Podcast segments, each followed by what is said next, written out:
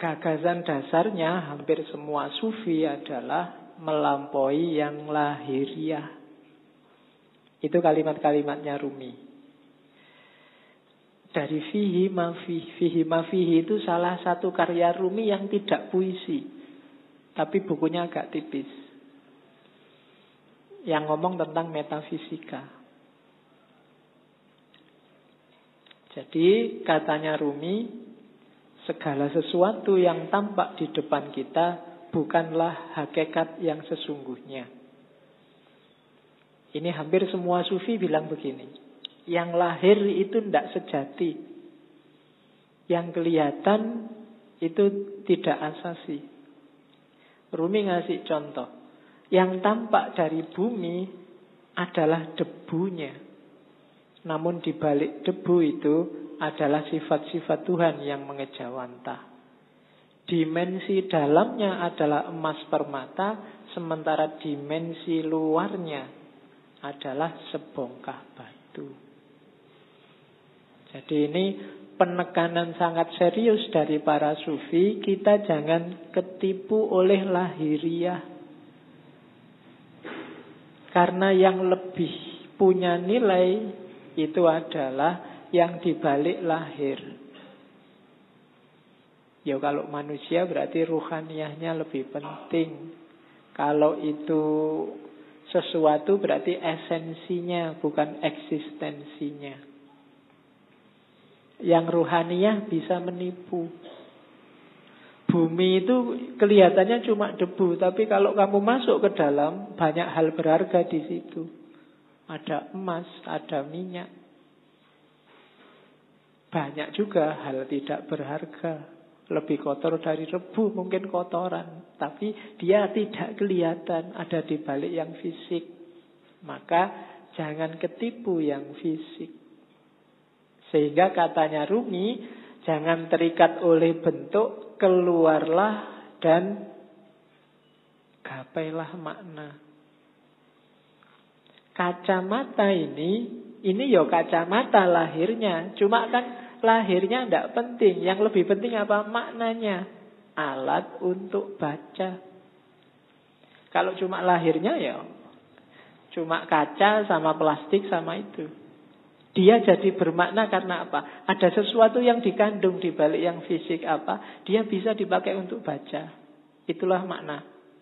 Atau mungkin pas apa? Kamu gatel terus dipakai untuk garuk-garuk. Ini kan makna namanya. Kelihatannya tidak penting, tapi dia maknanya apa itu lebih penting. Teh ini misalnya. Ini kan minum. Biar kamu hausnya hilang. Menghilangkan haus itu makna dibalik barang yang warnanya coklat ini. Itu lebih penting. Jadi haus yang hilang itu lebih penting daripada teh yang warnanya coklat ini. Jadi bukan tehnya, kualitas apa pun teh misalnya, kok tidak bisa menghilangkan haus ya, kamu tidak nganggap penting, mungkin tidak kamu minum. Bismillah ya, dicoba ya menghilangkan haus benar apa. Oke. Tidak usah dijawab. Kamu nunggu aku ngomong menghilangkan haus apa enggak ya? Ya mesti wae, masuk kamu umur berapa baru paham kalau teh menghilangkan haus. Oke ya, yang terakhir itu bagus. Hati-hati jangan tertipu. Banyak hal yang kau anggap sebagai penyebab sebenarnya adalah hijab. Ini penting. Banyak hal lahir yang lahir ya, karena ini ngomong yang lahir sama yang batin. Yang lahiriah, yang kelihatan, kita nganggapnya ini sebab. Baju membuat kita ganteng. Kemudian amal baik membuat kita masuk surga. Macam-macam yang lahir-lahir ya. Katanya Rumi, hati-hati. Yang kita anggap sebab sering-sering malah jadi hijab. Hijab itu sesuatu yang menghalangi kita malah menjauhkan kita dari Allah. Banyak hal yang kita anggap oh gara-gara amalku yang ini loh sekarang aku jadi tentrem hidupku. Seolah-olah kamu yang bikin hidupmu tentrem dengan kamu beramal. Allah tidak main di situ. Itu yang disebut hijab. Perannya Allah kamu hilangkan. Kamu menjauh dari Allah gara-gara yang kamu anggap sebab tadi. Gara-gara amalku ini sekarang rezekiku berkali lipat. Amalmu itu kan sebab. Itu loh. Kamu nganggap dengan kamu beramal terus Allah ngasih kamu. Jadi kayak kamu bisa merentah Allah. Ini hijab kalau bahasanya Rumi. Bikin kamu malah jauh dari Allah. Seolah-olah kamu yang mengatur ceritanya. Padahal bukan.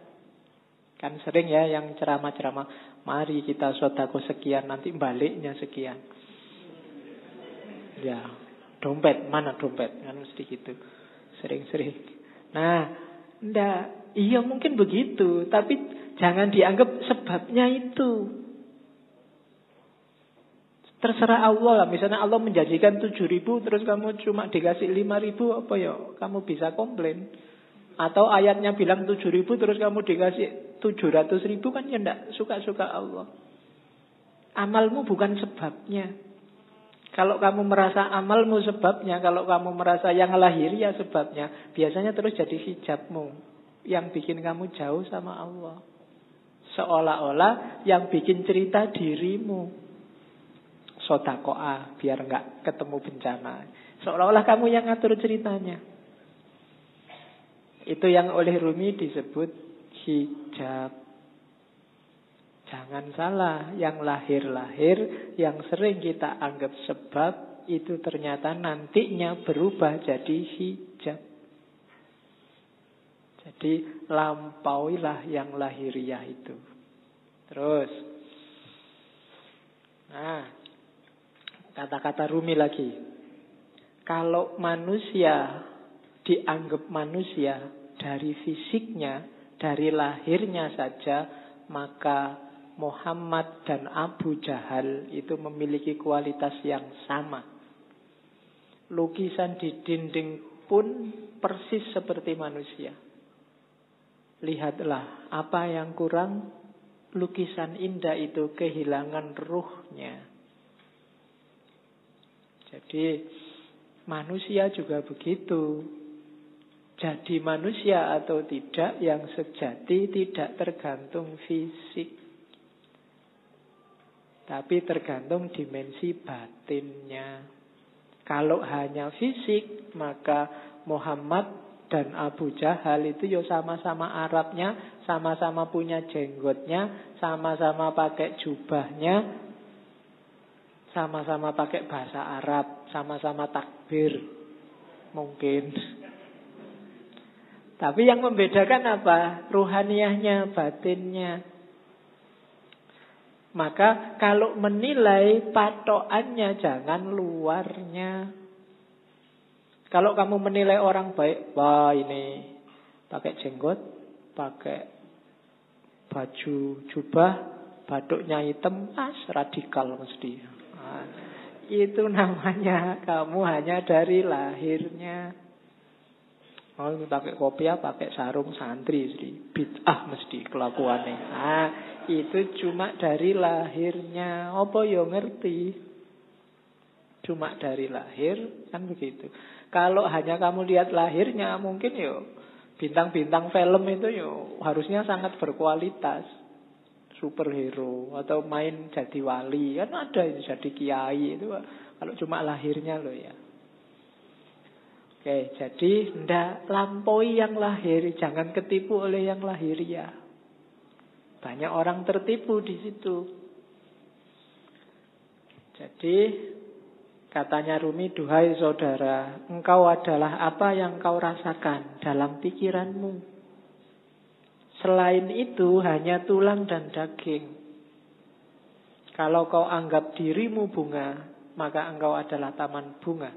Kalau kau anggap dirimu semak berduri, maka engkau hanyalah bahan bakar perapian. Itu maksudnya Rumi, ayo kita garap wilayah batin kita. Kamu nganggap dirimu hari ini apa? Sebagai manusia. Jangan berhenti di kulit dan daging. Jangan, jangan sibuk mikir, aku sudah ganteng apa belum ya? Hari ini kayak gimana kelakuanku yang fisik-fisik enggak. Coba dilihat batinnya dulu dibereskan. Kalau yang dalam sudah beres, keluarnya pasti bagus. Itu maunya Rumi. Kalau dalamnya masih belum beres, ya susah. Jadi lampaui dulu yang lahir. Oke. Bahkan banyak amalan-amalan ibadah lahir di banyak hadis jadi tidak bernilai ketika batinnya tidak ikut. Kan banyak itu kan. Kam min so imin Berapa banyak orang puasa hanya dapat lapar dan haus. Berapa banyak orang sholat hanya dapat capek fisiknya saja dan seterusnya.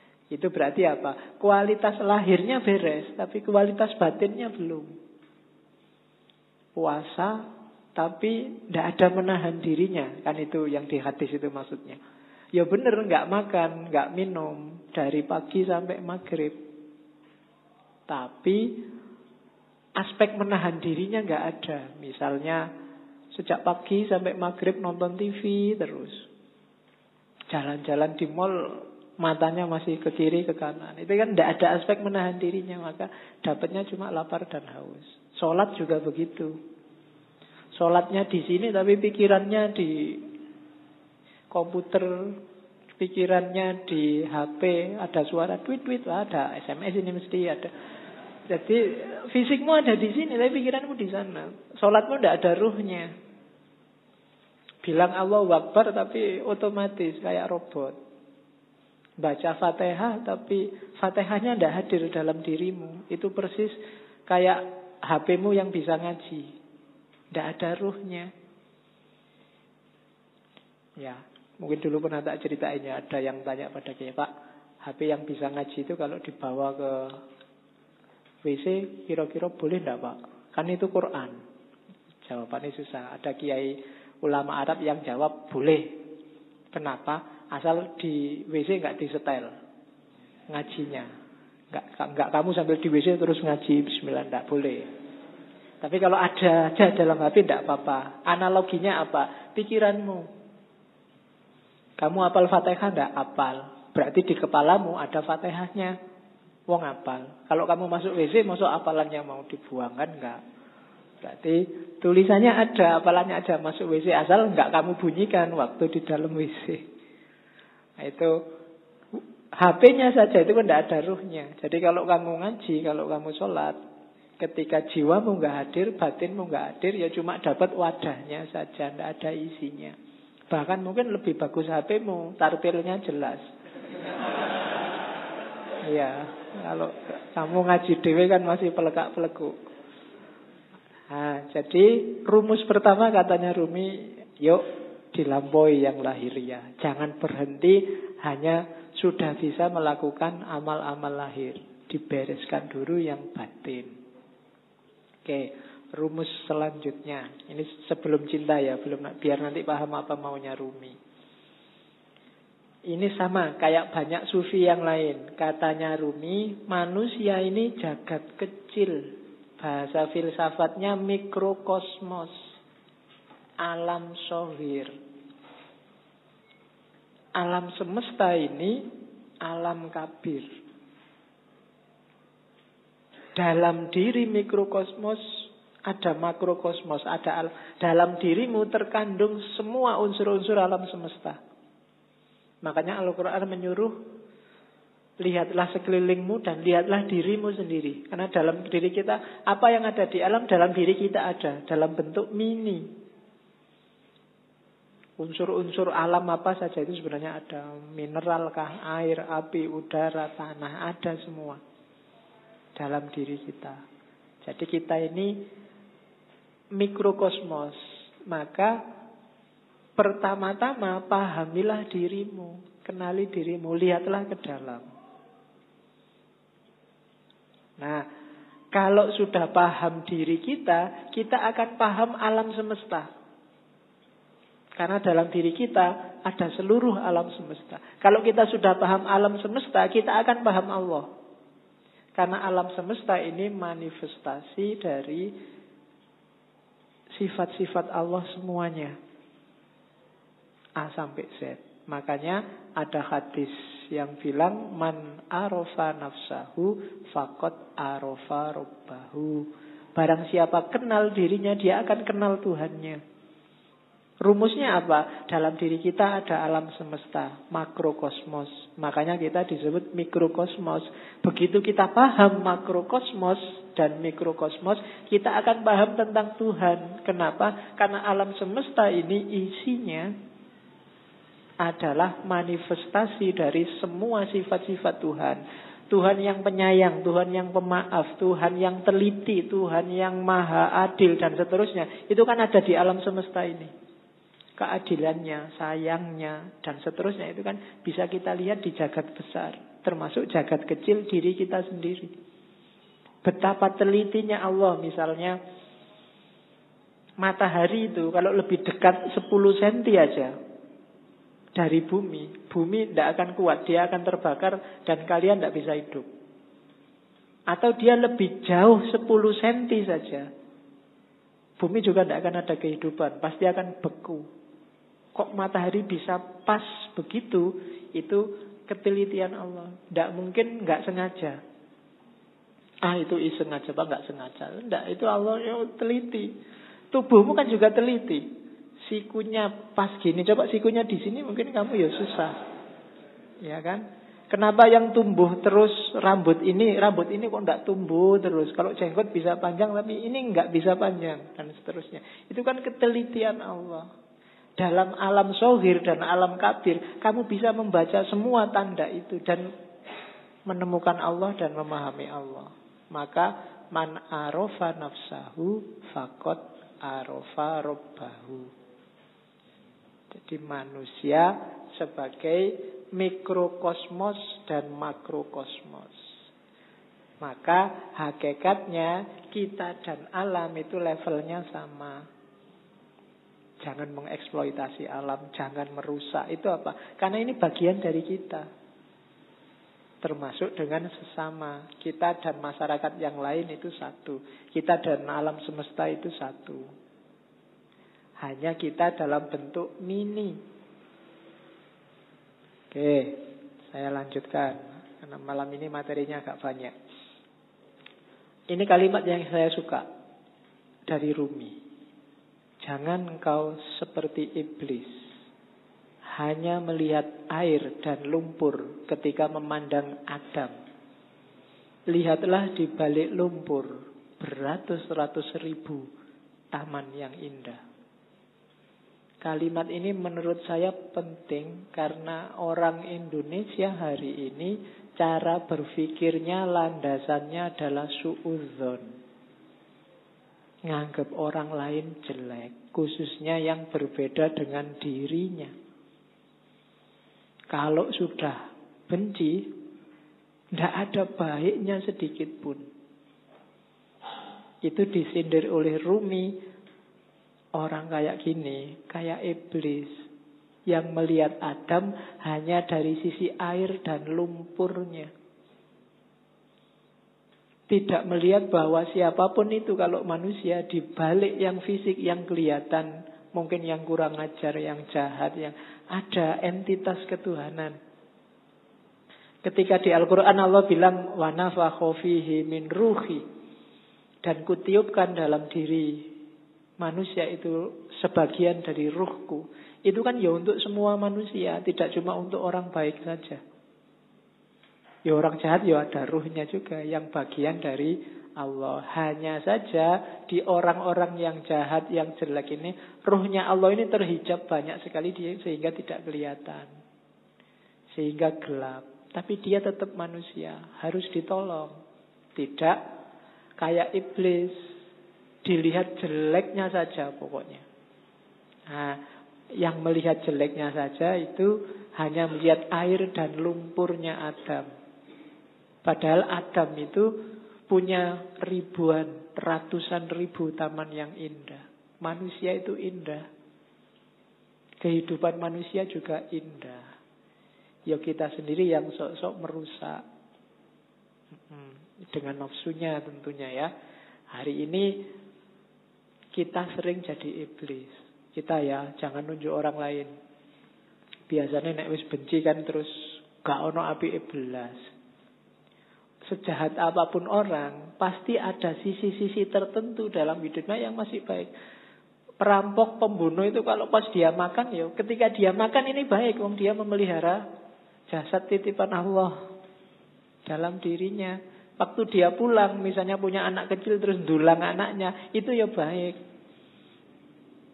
Mungkin terus dia mandi, menjaga kebersihan itu kan juga baik.